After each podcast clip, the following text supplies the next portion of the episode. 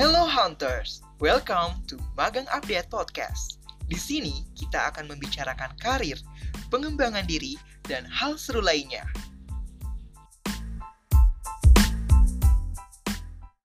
Halo Hunters, kembali lagi dengan podcast Preparing Yourself for Interview Karir dengan Kak Andin.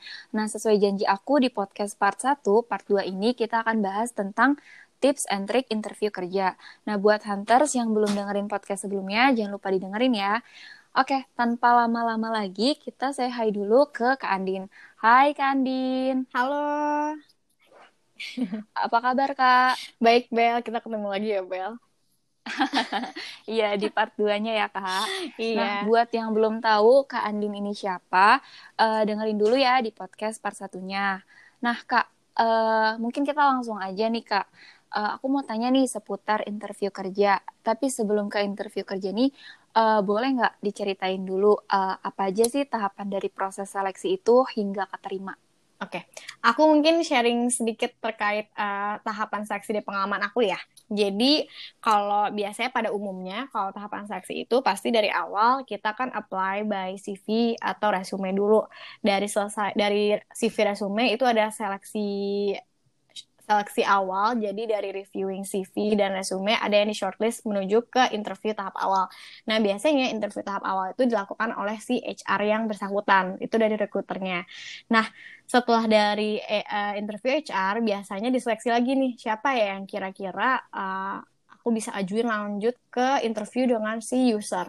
Nah, uh, ini bisa beragam sih, ada yang beberapa tahap lagi interviewnya. Jadi kayak bisa ke user, bisa lagi ntar ke atasannya user, misalnya kayak manager atau misalnya ke uh, ada lagi kayak misalnya departemen lain, misalnya dalam posisi itu yang harus berkaitan dengan departemen lain, jadi harus ada interview sama departemen lain.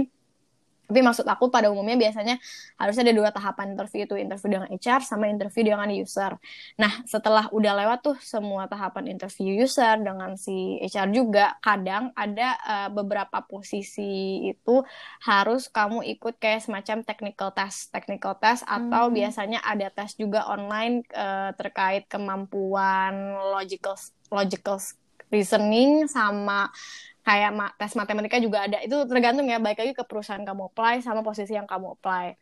Itu bisa dilakukan sebelum pas interview dengan user atau setelah dengan interview dengan user. Jadi uh, ya bisa di mana aja gitu tahapannya. Tapi kadang ada kadang enggak. Tapi yang pasti wajib ada pasti si interview HR sama interview si user tadi. Habis itu kalau udah lolos dari interview dan juga technical testnya udah lolos ada lagi tahapan. Ini uh, ada ini balik lagi ya. Ada perusahaan yang kasih kayak semacam hmm, dia ngecek uh, ini review review dari reference kamu. Jadi kadang hmm. kamu tuh diminta kayak background check itulah istilahnya kayak kamu misalnya cerita kan pas di interview kamu tuh pernah magang di sini. Nanti kadang tuh dari pihak HR bisa melakukan background check tuh dengan beberapa berbagai cara. Ada yang bisa kasih ada yang kadang mi mereka minta kita lampirin reference list jadi kayak tempat waktu pas kita punya pengalaman saya magang sebelumnya minta si reference minta si orang di tempat magang sebelumnya tuh kayak ngerating kamu dari skill kamu dan lain-lain tuh gimana. Hmm. Ada juga yang ngelakuin background check by via call mungkin atau email kayak ngecek dulu ini dulu pernah magang atau pernah ini enggak. Tapi itu baik lagi ya ada perusahaan yang melakukan itu ada yang enggak.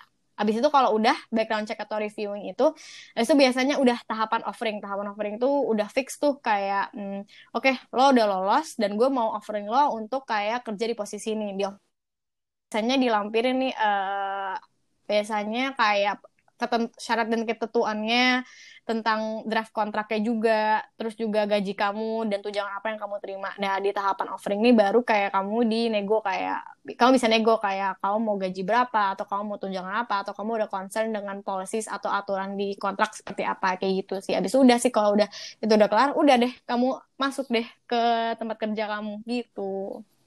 Oke, berarti uh, lumayan baik juga ya uh, tahapan-tahapan untuk sampai ke terimanya itu. Nah, mm -mm. Uh, mungkin aku coba ambil tahap di interviewnya itu sih kak. Uh, kira-kira persiapan apa sih yang diperlukan sebelum interview? Oke, okay. biasanya ini interview kalau misalnya dengan HR, aku itu pasti siapin dulu. Pertama, aku cek lagi ya, kayak review kembali lagi job desk pekerjaan yang aku apply.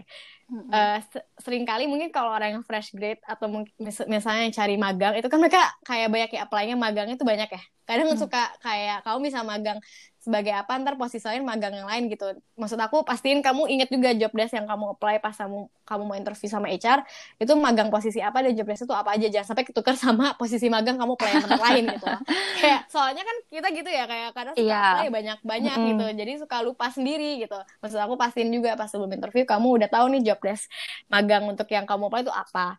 Terus yang kedua coba cari tahu uh, si yang HR atau si user yang akan interview kamu. Itu biasanya aku lakuin kayak aku suka kepoin LinkedIn-nya mereka. Hmm. kalau si HR itu sebenarnya nggak wajib kayak manajernya aku harus cari tahu gitu. Karena HR itu biasanya kan sebagai yang ngesaring ke user. Tapi kalau user aku biasanya wajib banget aku cari tahu LinkedIn-nya. Kayak mereka tuh udah berapa lama sih kerja di perusahaan itu. Jadi kayak aku bisa tahu oh ini orang udah cukup lama ya. Maksudnya kayak kayaknya dia udah udah well apa ya well paham banget nih kayak terkait kayak si uh, apa ya kayak lingkup kerja itu seperti apa misalnya kayak pengalaman cukup besar atau cukup banyak lah di background di HR-nya itu. Jadi kayaknya bakal pertanyaannya ini ini asumsi ya maksudnya kayak kayak pertanyaannya bakal detail dan pertanyaannya bakal ini deh kayak gitu. Hmm. atau enggak kayak misalnya dia punya pengalaman di tempat kerja sebelumnya atau di mana. Jadi itu kadang kalau misalnya dia punya pengalaman di tempat lain itu jadi bisa jadi ini loh kayak topik topik pembicaraan gitu kadang kayak oh. aku tuh sering banget kalau mau interview dengan user aku pastiin uh, kayak aku punya koneksi gitu komunikasinya dua arah alias saat dia interview aku kadang aku suka kasih interview balik ke mereka misalnya kayak aku nanya balik ke mereka hmm. biar kayak ini bukan pas lagi interview ya aku kayak lempar pertanyaan ke mereka ya. Enggak maksudnya pas setelah interview kayak basa-basi gitu sih kayak ngobrol gitu. Jadi kayak maksudnya biar saling memahami gitu. Karena kan toh user ini akan menjadi uh, calon supervisor kita pas kalau kita apply kan. Maksudnya kalau kita terima kan. Maksud aku itu cukup penting sih. Kalau kita juga udah tahu backgroundnya dia di awal itu artinya bisa jadi kayak topik-topik diskusi atau misalnya yang kamu emang tertarik ingin tahu ya kamu coba tanyakan aja ke usernya gitu. Tapi tanyain yang hal-hal yang emang relevan dan emang menarik aja ya maksudnya untuk kamu untuk cerita gitu loh. Bukan hal-hal yang personal ya kak. Iya iya kayak personal. Maksudnya kayak kadang misalnya dia udah pernah dia udah pernah kerja di sini loh terus kayak oh mungkin pas selesai interview kayak uh, coba kayak kalau misalnya dia udah nanya-nanya tentang ke kita biasanya aku coba cari tanya lagi kan kayak oh kalau misalnya mbak itu emang oh mbak gimana? Kalau mbak pengalamannya sebelumnya gimana nih? Kayak dari awal misalnya di sini gimana? Hmm. terus kayak kadang kan mereka ngomong habis itu oh mbak pernah kerja di sini? Oh kalau misalnya jadi ngobrol basa-basi gitu loh. Oh, jadi iya. kayak apa ya? Soalnya kalau pengalaman aku kalau misalnya interview yang biasanya akan lebih banyak kalau apa ya? Jadi ada koneksi komunikasi dua arah gitu itu lebih diingat sama si user sih masa itu justru kayak aku merasa oh interview ini kayak aku cocok deh sama user itu juga user juga tahu gitu loh hmm. kayak eh gue tuh kayak cocok deh sama nih orang gitu loh kayak itu salah satu loh penilaian subjektif yang ikut hmm. berpengaruh terhadap kayak keterima juga atau enggak kan biasanya kayak gitu yeah. sih nah Terus kayak tadi kan aku coba cek nih kayak user link kayak link ini user gitu kan kadang. Bukan kepo yang kayak stalking gitu ya guys. Maksudnya kayak yeah. uh, apa ya untuk tahu aja sih untuk oh ya udah dia udah udah berpengalaman berapa lama kayak gitu aja. Terus kayak selain itu kalau misalnya kamu punya teman atau misalnya punya orang yang kamu kenal udah punya pengalaman di posisi magang atau misalnya posisi kerja itu yang sama, misalnya interview apalagi user yang sama, coba minta saran aja sih kayak kayak at least kasih gambaran aja lah ke kamu kayak oh proses interviewnya tuh seperti ini ya. Kayak maksudnya biar kamu juga nggak kaget gitu. Dan coba cari tahu pertanyaan-pertanyaan yang memungkinkan terjadi. Kalau misalnya sama HR itu tuh biasanya pertanyaannya akan lebih uh, kalau interview sama HR tuh biasanya pertanyaan akan lebih general sih lebih kayak background kamu. Uh, background hmm. di kuliah atau misalnya background di tempat magang sebelumnya lebih general gitu tapi kalau misalnya pertanyaan lebih ke technical skill atau pengalaman di spesifik ke yang berkaitan dengan job desk itu biasanya berkaitan sama si user, user interview biasanya yang akan hmm. melemparkan pertanyaan kayak gitu. Nah, pastiin sebelum kamu interview sama user, kamu coba cari tahu nih kalau job desk misalnya contoh ya, aku mau apply sebagai magang di bagian uh, sales gitu. Kan sales itu kan salah satunya harus bisa nge ini ya, pitching ya, pitching kayak -hmm. pitching produk gitu. Nah, uh, kamu coba cari tahu nih pitching produk tuh biasanya alurnya seperti apa ya dari awal sampai akhir. Karena biasanya kadang user tuh suka ngelempar pertanyaan kayak kamu ada dikasih kayak pertanyaan kasus gitu loh kayak kamu ada pitching nih ini terus kayak uh, si klien kamu kayak kurang suka dengan ini apa yang kamu lakukan? Biasanya tuh pertanyaannya akan lebih teknis gitu sama user. Hmm. jadi maksud aku sebelum kamu dilempar pertanyaan itu pasti juga kamu juga udah bisa cari tahu lah informasi seperti itu kayak sesimpel kamu search di Google itu bisa nggak bantu kok. Kayak jang apa ya um, bukan kayak jangan takut untuk so tahu ya tapi lebih tepatnya kayak be prepared before kayak pertanyaan itu muncul aja kayak gitu sih. Gitu. Oke okay, berarti uh, berarti kalau untuk interview HR tuh mungkin lebih ke umum ya pertanyaan-pertanyaan umum dan sedangkan kalau interview yang user tuh lebih ke teknis di bagian yang kita apply-nya gitu ya kak? Ya, kalau HR itu lebih kalau uh, dari pengalaman aku, kalau aku di interview HR tuh pasti mereka akan lebih menggali terkait pengalaman kita, soft skill, hard skill kita, yang kita hmm. apply di CV ya biasanya. Jadi kan mereka tuh apa sih gunanya interview HR? Interview HR tuh biasanya gunanya itu juga biar cocokkan juga nih, ah nih orang cocok gak ya di kayak akan cocok gak ya karakteristiknya atau misalnya dengan pengalaman skill dia dengan si user yang akan gue propose gitu. Jadi hmm. HR ini pasti akan memberikan pertanyaan yang lebih uh, umum, lebih mencari tahu, kayak lebih mau tahu aja kamu tuh orangnya seperti apa, kayak gitu, kayak nggak belum belum menuju ke technical skill karena yang tahu di lapangan pekerjaan itu adalah si user biasanya. Makanya user itu pasti akan lemparnya uh, pertanyaan yang lebih teknis. Maksudnya antara akan kemudian di lapangan gitu loh. Dibanding si HR. HR tuh pasti akan lebih kayak background kamu kayak kamu punya pengalaman organisasi, kamu punya pengalaman hmm, di apa namanya di kampus kamu harus kerja sama dengan teamwork. Itu biasanya kan berkaitan dengan soft skill atau misalnya pengalaman kamu ya. Jadi itu biasanya HR sih yang lempar. Kadang user juga ngelempar tapi user biasanya kadang suka kasih tambahan itu kayak studi kasus lah atau apa kayak gitu sih. Oke okay, gitu. Oke uh, mungkin itu kan uh, lebih ke persiapan sebelum interviewnya ya kak. Nah kalau pas hmm. interviewnya itu sendiri kira-kira sikap atau mungkin bahasa atau cara bicara kita sebaiknya yang digunakan tuh kayak gimana sih kak? Hmm, itu balik lagi sih ke uh, ini kayak misalnya kamu pas lagi interview itu kan uh, kadang si pihak HR-nya atau pihak si usernya itu jelasin nih kayak aturan interviewnya kayak oke okay, interviewnya akan berlangsung selama berapa menit misalnya gitu. Misalnya mereka sangat uh, concise dengan waktu gitu kan. Jadi kalau mereka punya waktu yang sangat maksudnya kayak terbatas pastiin kamu menjawab pertanyaannya juga yang se jangan singkat banget tapi maksud aku uh, singkat jelas padat juga maksudnya uh, gak harus panjang-panjang lebar tapi kamu bisa menjawab semestinya dan tepat. Dan kalau misalnya mereka bilang interviewnya harus pakai bahasa Inggris ya kamu coba menjawabnya dengan bahasa Inggris. Terus gimana sih kayak maksudnya uh, kita menjawab interview ya sebaiknya dia menggunakan kata-kata yang emang formal dan sopan aja sih. Nggak harus kayak EYD-nya tuh tepat gitu nggak. Kayak kamu harus kayak pakai bahasa Indonesia yang kayak tepat banget nggak nggak. Mereka nggak akan nguji kayak gitu sih sejujurnya. Yang penting kamu bisa jelas aja. Dan uh, ini baik lagi ya kadang tuh user ada yang orangnya santai banget. Kayak aku waktu itu pernah kayak uh, magang interview magang user aku tuh santai banget. Kayak jatuhnya kayak teman senior gitu ya, aku ya, lah iya kayak oh. teman senior gitu loh kayak masa kayak aku ngobrol sama senior aku gitu. Jadi kayak dia ngomongnya lo gue gitu loh. Ya kalau dia ngomong lo gue jangan lo ngomong lo gue juga ya. Maksudnya lo tetap kayak harus kayak kamu juga harus tetap kayak menjaga tata krama juga ya. Tetap ngomongnya paling kayak uh, bisa aku, aku kamu atau saya anda tetap tapi nggak apa-apa. Maksudnya dengan santai misalnya dengan bercanda-bercanda juga nggak apa oh iya iya saya juga pernah kayak gitu dulu kuliah kayak gitu-gitu nggak apa-apa. Tapi maksud aku jangan terbawa suasana juga bercanda. Yang penting kamu bisa tetap menunjukkan sikap profesional tapi juga menunjukkan sikap kamu tuh masih bisa fleksibel, casual dan santai aja sih. Jadi uh, kalau misalnya emangnya santai banget yang kayak gitu ngomong lo gue, tetap kamu harus bisa menunjukkan sikap yang profesional aja sih. Tapi nggak harus kaku-kaku banget. Jadi maksudnya yang santai aja, biar menyesuaikan juga dengan gaya, uh, mungkin gaya cara bicaranya dia gitu loh, gitu. Oke. Oke deh, uh, mungkin ke pertanyaan selanjutnya ini agak panjang sih pertanyaannya. Jadi okay, uh, okay. selama selama proses interview itu sebenarnya HR boleh nggak sih kak kayak menunjukkan ketertarikan atau ketidaksukaan. Jadi uh, aku mungkin aku contohin ya kak. Misalkan kalau hmm. uh, kakak misalkan nge-interview orang terus kakak uh, udah tertarik sama itu orang itu kakak boleh gak sih kayak uh, uh, ngobrol banyak gitu. Terus boleh gak sih kak kalau misalkan kakak udah nggak suka nih sama orang itu karena misalkan gak sopan, kakak boleh gak sih skip skip pertanyaan kayak gitu-gitu itu gimana kak? Nah, aku itu dulu pernah juga punya pengalaman kan sebenarnya nge-interview orang ya. Nge-interview orang juga aku punya pengalaman.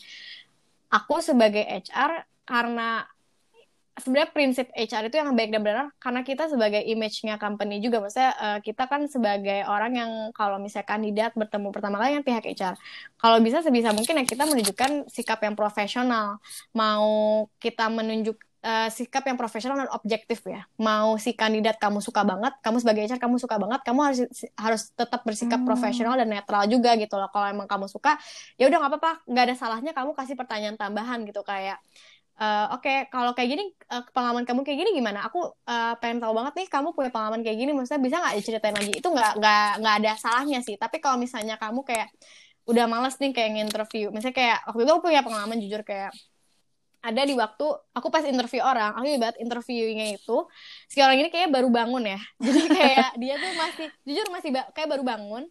Terus dia masih haho-haho terus kan aku interview pakai bahasa Inggris kan. Terus kayak uh, oke okay, kayak aku bilang kan interview ini sebenarnya santai aja tapi kayak maksudnya ini kan menggunakan bahasa Inggris gitu. Mungkin orangnya juga kaget terus dia kayak itu yang tadi kayak masih baru bangun jadi kayak masih haho-haho. Terus karena masih pagi banget kan waktu uh -huh. itu. Jadi dia kayak uh, lama juga kan berpikir karena pakai bahasa Inggris juga. Jadi aku kan waktu itu ngejar waktu ya. Jadi aku nggak bisa dong kayak oke okay, interview ini selesai aku nggak bisa kayak gitu. Aku sebagai HR ya tetap harus sikap berprofesional juga kayak misalnya aku bilang oke okay, uh, eh, oke okay, makasih ya mungkin mm, aku bilang ngejelasin kayak kita tuh cukup terbatas nih waktunya. Mohon maaf tapi uh, aku mungkin ngerekap lagi kayak apa yang aku dapatkan dari interview. Terus aku kalau misalnya balik lagi ya kalau misalnya dari sepanjang interview aku rasa dia juga udah uh, kayaknya ini nggak akan cocok sama user. Aku bilang aja juga aku bilang aku tetap appreciate aku bilang terima kasih waktunya yang diberikan sharingnya. Uh, aku akan coba hubungi kembali. Kok misalnya aku bilang kalau tahapan selanjutnya uh, kalau emang kita tertarik, misalnya kayak kalau misalnya emang kamu ini berhasil untuk melanjutkan proses selanjutnya, kami akan menghubungi dalam waktu 14 hari maksimal. Kalau misalnya enggak, mohon maaf, mohon maaf, sepertinya kamu nggak uh, nggak lanjut di tahap proses selanjutnya gitu. Aku bilang kayak gitu. Maksudnya tetap uh, bersikap profesional dan tetap ini sih menunjukkan apresiasi juga ya karena kan uh, sebagai hmm. HR kan mereka nggak cuma kita doang yang melakukan waktu mereka juga melakukan waktu kan jadi kita yeah. harus appreciate juga ke mereka dan mereka juga udah berani untuk nge-sharing juga nggak semua orang bisa melakukan hal kayak gitu gitu loh jadi menurut aku ya sebagai HR itu sih harus bersikap profesional, objektif dan nggak nggak nggak apa ya nggak sesubjektif itulah kayak langsung kayak oh lo lo kok gitu sih? Nggak kayak lo berbangun ya? Nggak bisa kayak gitu langsung jadi HR kayak gitu gitu Bel. Oke. Okay. uh, eh, aku jadi penasaran nih kak. Tadi kan kakak sempat bilang uh, interview pakai bahasa Inggris. Mm -hmm. nah mungkin aku sedikit kepo sih kak. Kalau misalkan uh, misalkan di uh, email untuk calling for interviewnya eh, nggak uh, nggak hmm. dikasih tahu nih uh, harus pakai bahasa Inggris dan ternyata hmm. juga kandidatnya eh, nggak uh, bisa bahasa Inggris. Nah itu kira-kira si kandidat bisa nggak sih kak bilang kayak maaf bu pak kalau kita hmm. nggak hmm. bisa bahasa Inggris itu boleh nggak sih kak jadi pakai bahasa Indonesia atau tetap harus dipaksain bahasa Inggris? Nah, itu balik lagi ke perusahaan kamu apply ya. Karena aku dulu apply, nih, aku punya pengalaman magang. Jadi waktu itu aku apply di tempat perusahaan multinasional. Mm-hmm. Itu kan multinasional otomatis pasti mereka uh, on a daily basis mereka pakai bahasa Inggris kan iya. hari-hari gitu. Tapi sebenarnya nyatanya ternyata nggak selalu gitu loh. Jadi pas di interview, yang interview aku kebetulan si user aku ini expat, jadi dia orang luar negeri, jadi otomatis aku harus pakai bahasa Inggris kan. Tapi hmm. uh, ternyata setelah pas proses interview, jujur aku juga pernah loh fase di mana kayak aku gagap gitu pakai bahasa Inggris kayak ah gue ngomong apa ya kayak gitu loh kayak tiba-tiba si interviewer aku bilang gini kayak uh, uh, hi Andin, it's okay if you uh, if you feel apa ya kayak kamu tuh if you're much more comfortable talking in bahasa gitu, I can still understand you gitu. Dia bilang kayak gitu terus kayak oh uh, oh begitu ya maaf ya Pak sebelumnya mungkin saya uh, terbata-bata pakai bahasa Inggris gitu karena mungkin saya uh, nervous gitu. Aku bilang kayak gitu ke dia dan dia ternyata bisa memahami aku dan nggak masalah gitu kayak oke okay, kayak dia bilang ya it's okay karena kan juga mungkin ya itu baik lagi ke si user kamu atau misalnya si kuali, apa ya kualifikasi dari posisi kamu. Emang wajib banget pakai bahasa Inggris atau enggak? Tapi asalkan misalnya kita mencapai kualifikasi mereka as minimum harus bisa writing lah writing in English atau misalnya uh, basic conversation atau misalnya professional conversation nggak harus yang kayak kalau nervous itu kayak kadang ada interv uh, interview yang kayak bisa mewajarkan gitu loh. Jadi nggak wajib banget yang ini banget. Tapi baik lagi ada perusahaan yang waktu itu aku pernah juga apply dia mandatory English. Jadi kalau misalnya kamu nggak bisa bahasa Inggris ya langsung di cut gitu bisa. Oh. jadi maksud aku kayak eh, tapi kalau waktu itu aku play saya magang ya. Jadi pas magang ya fine fine aja sih. Jadi waktu itu akhirnya aku setengah bahasa Inggris setengah bahasa Indonesia pas lagi interview. Hmm. tapi los los aja gitu loh. maksud aku baik lagi ke perusahaan yang emang kamu dan kualifikasi dari posisi itu. Kalau emang wajib toh kamu emang berarti harus bisa. Tapi misalnya kayak tadi kamu case kamu tanyakan kan dari pas dia di invitationnya dia pakai bahasa Inggris ya kalau nggak salah ya Ah, tadi ya? enggak, di invitationnya email eh, di bahasa Indonesia ya ya di email pakai bahasa Indonesia dan gak dikasih tahu harus pakai bahasa Inggris gitu kak. Oh, oke. Nah, kalau misalnya kita dapat invitation im- invitation untuk interview, eh, kamu jangan sungkan untuk bertanya kembali aja kayak, oke, kan kasih tahu nih kayak jadwal interviewnya hari Sabtu, eh misalnya hari hari Jumat pagi gitu, jam Jumat pagi jam 9. Misalnya kamu mau nanya ke HR-nya gitu, kamu reply aja, oke, jangan lupa ya untuk eh, bilang ke HR terima kasih untuk konfirmasi eh, jadwal interviewnya. Eh, ada beberapa pertanyaan yang ingin saya tanyakan terlebih dahulu nih untuk mempersiapkan interview saya. Kamu boleh tuh kasih pertanyaan ke pihak HR-nya. Itu nggak apa-apa kok. Itu nggak apa ya maksud aku tuh kayak jangan takut untuk bertanya aja sih karena biar kamu tahu juga kan gambaran interviewnya. Biasanya good HR itu akan memberikan gambaran interview sebelum mulai interview. Kayak maksudnya aku pengalaman aku waktu itu ketemu dengan HR HR yang baik, mereka tuh kasih pointers justru pas lagi menuju interview. Jadi sebelum interview mereka mereka kasih tahu, oke nanti kamu pas jawab pertanyaan pastiin kamu jawab dengan eh, konteks pengalaman yang sudah terjadi ya, bukan planning atau misalnya bukan konteks pengalaman yang belum terjadi atau misalnya pokoknya dia tuh kayak kasih pointers gitu lah. Terus kamu eh, saat bertemu dengan user eh, dia itu orangnya suka yang gini-gini. Kadang ada HR yang kayak gitu. Maksud aku ya jadi kayak nggak ada salahnya kamu untuk bertanya lebih lanjut gitu loh untuk dapat pointers dari si HR gitu. Oke, oke. Eh, mungkin lanjut lagi sih Kak ke tentang bahasan-bahasan di interviewnya. Kira-kira nih Kak, eh, dan aku sering banyak baca juga dan ini banyak dibahas. Kira-kira kalau misalkan pas di akhir nih, pas HR bertanya ada yang ingin ditanyakan, itu sebenarnya harusnya kita nanya atau baiknya nggak usah nanya gitu Kak, atau gimana?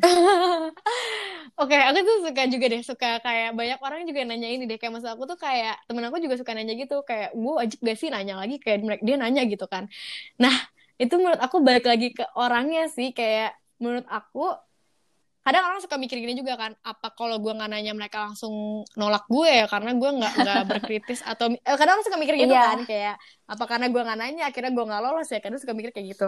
Nah, itu sebenarnya hak lagi ke si orangnya sih. Jadi so far ya pengalaman aku aku sih nggak pernah melihat user atau H, apa HR tuh ngepangkas cuman gara-gara dia nggak si interviewingnya itu nggak nggak kayak nanya balik ke si HR atau si usernya so far sih aku nggak pernah nemuin case kayak gitu ya tapi kayak eh, itu baik lagi kamu tuh berhak loh. Sebenarnya mungkin banyak orang yang nggak aware kalau misalnya saat kamu interview eh, kamu tuh berhak untuk bertanya balik mau tahapan proses. Tapi ini wajib kamu harus ketahuin ya mau udah kamu ketahuin sebelum interview atau enggak pastiin kamu nanya kayak untuk tahapan selanjutnya aku ini akan mendapatkan kabar mengenai apa ya kelolosan aku tuh paling secepatnya tuh tanggal berapa ya dan paling lambat tanggal berapa. Itu kamu berhak untuk bertanya itu. Maksudnya untuk kamu dapat kepastian karena siap-siap aja. Kalau kamu nggak nanya itu biasanya akan nggak dikasih maksudnya kayak ada yang nggak jelas juga kan kayak "Maksud jadi bingung. kapan gitu. Hmm, jadi maksud aku sebelum kamu bingung tanya aja gitu loh. Daripada Hmm. kamu ntar kebingungan sendiri. Dan itu kamu nggak masalah juga nggak salah kalau kamu nanya. Dan Hmm. Terus kalau aku tuh biasanya personally suka nanya terkait eh, gambaran gambaran pekerjaan atau project yang akan dilakukan saat aku misalnya keterima. Terutama kalau anak magang ya kayak Iya. oke kalau misalnya aku apply dan ini sih eh, waktu tercepat untuk apply untuk join. Kadang kan suka anak magang itu kan kadang dibutuhinnya cepat juga ya. Mm-mm. Jadi kayak user itu suka nanya kayak kamu bisa join secepatnya kapan gitu. Kalau misalnya mereka nggak kasih tahu ke kita kayak joinnya kira-kira kapan, biasanya aku suka nanya "Eh, kira-kira posisi ini dibutuhkannya urgent nggak ya? Masa eh, secepatnya kali, eh, maksudnya dari pihak usernya ini membutuhkan aku untuk misalnya kalau emang terima aku tuh join di waktu kapan? Itu nggak apa kamu nanya dan kamu tanya juga kayak project apa sih yang akan gambarannya tuh seperti apa ya? Pekerjaan yang akan aku lakukan gitu. Kalau misalnya aku apply sebagai posisi ini aku udah baca misalnya kamu jelasin aja kayak aku udah baca job desk-nya tapi lanjut nih kayak nggak lakukan seperti apa bisa dapat gambarannya gitu kayak gitu sih itu itu bisa jadi contoh-contoh kayak pertanyaan yang bisa Hmm. kamu tanyakan loh kalau setelah interview gitu sih Oke, oke. Jadi tergambarkan nih eh, sebenarnya untuk apa ada yang ditanyakan dari HR tuh boleh ditanyakan ya karena beberapa tuh aku sering baca kayak jangan tanya atau boleh tanya gitu. Jadi kayak masih bingung-bingung. Ah, ah. Iya, orang tuh suka orang tuh suka takut kan kayak eh jangan nanya ntar lo dikiranya lo bego kayak lo nggak belajar job apa sih kayak lo nggak tahu job desk-nya kadang suka gitu kan Iya. mikirnya tapi sebenarnya ya baik lagi ya cara pembawaan kamu juga bertanya ya pastiin juga apa ya eh, Sopan ya, Kak. cukup baik juga gitu sopan dan cukup baik ya maksudnya kayak misalnya nih kamu mau nanya, mau nanya kayak eh, Bu, Pak, saya boleh tahu nggak ya kira-kira gambaran lebih lebih lanjut terkait proyek yang akan dilakukan untuk intern ini sebagai apa ya? Karena saya baca nih job desk-nya itu kan terkait ini, apakah nanti akan ada proyek eh, proyek seperti inilah atau kayak gimana? Maksudnya itu kan nggak ada salah juga kamu untuk kepo bertanya gitu. Berarti kan itu menunjukkan juga kayak kamu itu orangnya, wah eh, ini orang kayaknya emang ini ya kayak apa ya pengen belajar lah atau pengen cari tahu gitu loh nggak nggak nggak nggak yang cuman eh, eh, aja gitu loh maksud aku itu bisa jadi noin poin-poin poin plus juga. Nggak Hmm. nggak pasti orang yang bertanya itu bego gitu loh kalau menurut aku ya. Karena aku juga sebagai maksudnya kalau aku interview orang kalau orang nanya ke aku kayak kak ini lanjutnya ntar tahapannya kayak gimana? Aku itu pasti kayak oh oh ya udah. Kayak misalnya aku akan kasih tahu oke nextnya kayak gini gini gini. Loh kayak aku tadi jelasin loh HR itu kan sebagai image-nya si apa perusahaan juga ya kandidat. Jadi pastiin Mm-mm. juga kayak aku memberikan image yang baik juga ke kandidat-kandidat aku kayak gitu sih. Oke, oke. Nah, eh, mungkin lanjut lagi sih Kak ke pertanyaan-pertanyaan di interview nih. Eh, yang Hmm. aku sering lihat juga eh, baca-baca kayak orang-orang bingung untuk jawabnya. Kira-kira kalau ditanya nih masalah gaji itu tuh jawaban yang pal- bukan yang paling benar sih, yang menurut Kakak eh, baik tuh kayak gimana sih Kak kalau masalah gaji? nah ini terutama kalau fresh grade ya Mm-mm. suka ditanya juga kan ya kalau misalnya fresh grade anak magang itu kalau interview magang jarang sih ditanya kayak expectation. Tapi biasanya kalau perusahaan besar itu bisa ditanyain kayak expectation salary kamu berapa kalau di kema- kamu magang di perusahaan gitu ya. Nah kalau untuk menjawab eh, kalau misalnya kamu punya pengalaman sebelumnya kayak kamu apply misalnya jatuhnya gini ya kayak kamu apply full time position tapi kamu punya pengalaman magang dan kamu dibayar lah dari magang itu. Kamu nggak apa-apa kamu mungkin jelasin kayak dari pengalaman uh, sebelumnya saya itu punya ma- jadi kayak uh, previous salary aku di tempat magang terus ini sejumlah segini dan aku punya ekspektasi untuk posisi ini dengan mungkin pengalaman magang dengan adanya aku punya pengalaman atau punya skill ini uh, dan juga sepengetahuan saya salary untuk fresh grade untuk posisi ini adalah sebesar ini. Kayak kamu nggak harus kasih tanda kasih harga kayak uh, langsung sebutin harga uh, pas toh gitu. Kamu bisa kasih range juga dari range berapa Hmm, sampai range mm-mm. berapa. Itu nggak apa-apa kayak dan biasanya kamu harus tahu juga ya perbedaan gaji kotor sama gaji take home pay atau gaji net. Jadi maksudnya gaji uh, setelah udah bersih lah gaji bersih gitu istilahnya Uh, orang tuh suka iya iya aja kan. Kayak misalnya kalau orang fresh gitu kayak iya iya iya. Gaji kotor itu tuh Yang penting kerja gaji- gitu Kak.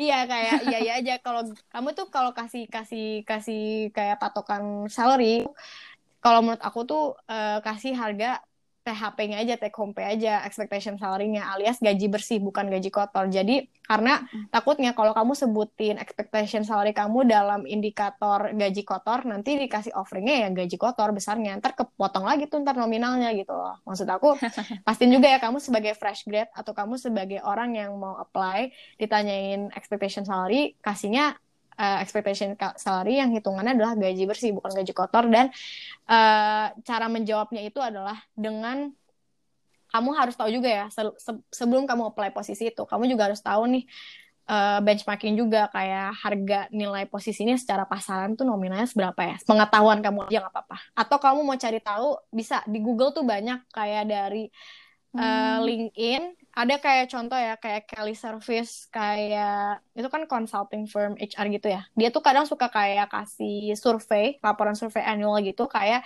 uh, rata-rata gaji posisi untuk misalnya di uh, posisi departemen apa dan lulusan level apa gitu. Kayak mereka tuh suka kayak kasih kayak jatuhnya survei survei salary survei itu sih. Jadi masa itu bisa kalau diakses by Google kok ada kok aku pernah cek gitu. Dan bisa landasan apa ya jadi kayak reference kamu juga gitu.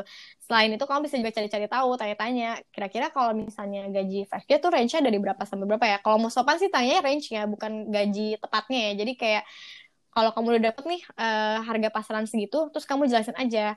Sepengetahuan saya dengan harga pasaran untuk posisi ini uh, bukan harga pasaran ya maksudnya sepengetahuan saya untuk posisi seperti ini itu range uh, gaji bersihnya adalah dari berapa sampai berapa.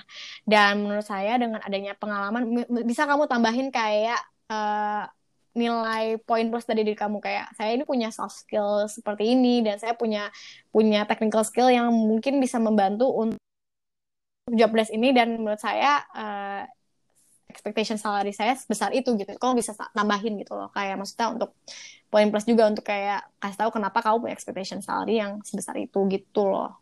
Kalau dari aku okay. biasanya. Iya, jadi nah udah mulai kebayang nih berarti jawaban-jawaban seperti apa kalau ditanya gaji ya. Nah, mungkin ini uh, pertanyaan terakhir sih di podcast part 2 ini. Uh, kira-kira hal-hal apa sih yang harus dihindari pas lagi interview?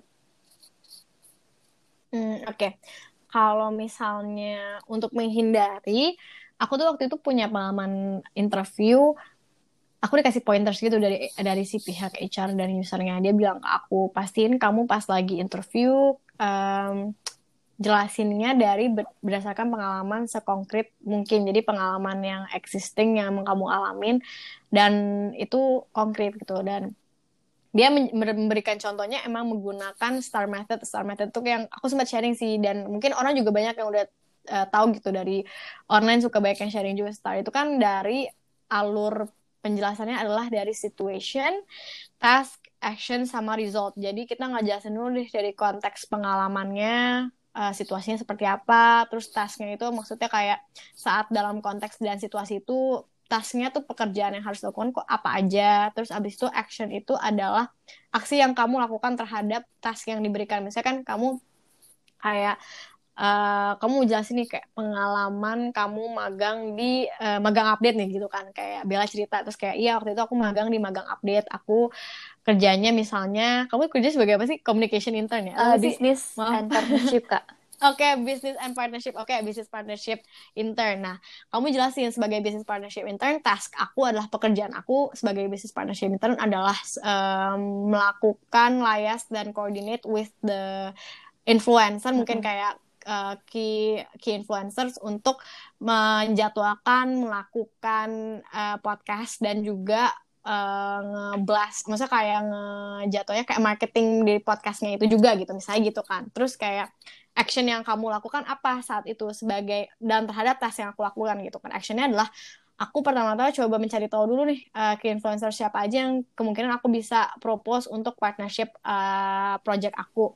Terus kamu jelasin lah dari A sampai Z gitu. Hmm. abis dari action kamu jelasin resultnya hasil dari aku nge-propose nah uh, kuncinya adalah result ini sebisa mungkin kamu ngejelasin secara konkret dan Hmm, dengan data alias misalnya kamu kan tadi uh, tasknya adalah untuk mengumpulkan key influencers atau misalnya kamu ada target lah target kayak kamu harus mencapai engagement di social media magang update harus naik misalnya 20% nah resultnya kamu juga harus jelasin nih based on data. Misalnya kamu berhasil melakukan podcast dengan 15 uh, eh, influencer gitu misalnya kayak gitu. Terus kamu berhasil menaikkan engagement rate sebesar 10% dalam waktu berapa. Itu misalnya kamu jelasin ini sebuah achievement loh karena sebelumnya intern intern yang lainnya belum pernah akuin. Nah, itu nggak apa-apa kamu jelasin.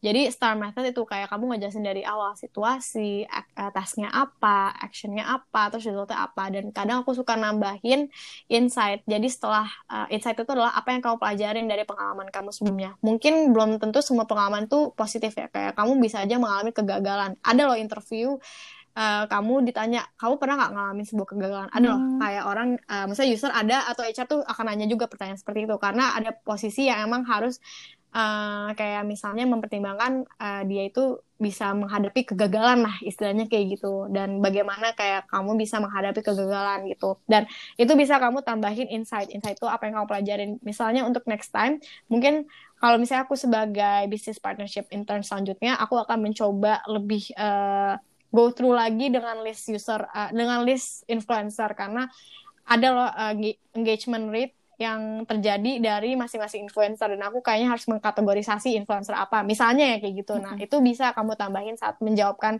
interview questionsnya itu. Apa yang perlu dihindari? Itu aku tadi kayak nggak menjawab gitu ya sebenarnya. Tapi apa yang perlu menghindari adalah pastiin kamu jangan menjawab pertanyaan tuh yang sesimpel itu. Kayak maksudnya kayak oh ya uh, kamu berapa ma, pernah punya pengalaman apa? Ya aku uh, organisasi sih dua tahun. Udah toh kamu cuma ngomong gitu doang kayak maksudnya coba jelasin coba gunakan dengan si star tadi gitu loh. Kamu coba menggunakan kerangka star untuk kamu bisa menjelaskan secara konkret secara apa ya komprehensif juga gitu. Biar si eh, user atau juga si HR itu paham. Dan pastikan kamu menunjukkan sikap seprofesional dan se apa ya profesional mungkin dan apa ya hmm, jangan emosional juga gitu loh. Maksudnya kayak uh, santai aja, profesional. Kalau misalnya di waktu interview kita nggak tahu ya kayak siapa yang akan kita temuin saat interview. Kadang bisa jadi ada orang bisa kita kan nggak tahu ya dia bisa aja menyinggung perasaan kita atau gimana gitu kan.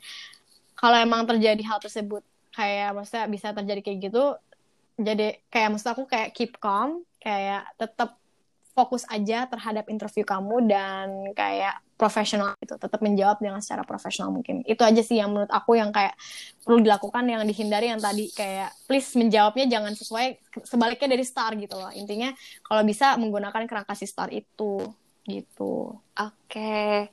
Nah, uh, mulai kebayang sih ya uh, gimana proses interview itu dimulai dari persiapannya hingga uh, jawaban apa nih yang harus diberikan. Nah, semoga uh, podcast kali ini bermanfaat buat hunter semua ya. Nah, terakhir mungkin nih Kak uh, closing statement dari Kak Andin buat para buat para hunters. Oke, okay. uh, eh, halo semuanya para hunters. Pokoknya kalau buat kalian mau mau cari magang atau misalnya uh, abis lulus mau cari ke tempat kerja, jangan parah semangat. Maksudnya wajar banget kalau misalnya menghadapi kegagalan atau misalnya di ghosting atau mungkin gak ada kayak uh, apa ya kepastian lah intinya kalau misalnya kita lagi apply kerja. Tapi tetap kayak jangan patah semangat tetap terus-terus kayak uh, coba jangan berhenti lanjutin aja dan nikmatin prosesnya. Karena kita nggak tahu selama proses itu kita bisa jadi menemukan maksudnya kayak jodoh lah jodoh pekerjaan kita yang kita kira awalnya enggak gitu. Jadi tetap uh, lanjut dan tetap jangan uh, patah semangat. Gitu sih dari aku. Oke, terima kasih untuk Kak Andin udah bersedia menjadi pembicara di podcast ini dan mau berbagi pengalaman dan informasi uh, kepada para hunters. Terima kasih ya Kak. Iya Bella, sama-sama. Dan tidak lupa juga, uh, terima kasih nih untuk Hunters yang udah dengerin podcast ini. Aku Bella, pamit undur diri dan mohon maaf apabila ada salah kata. See you on the next podcast.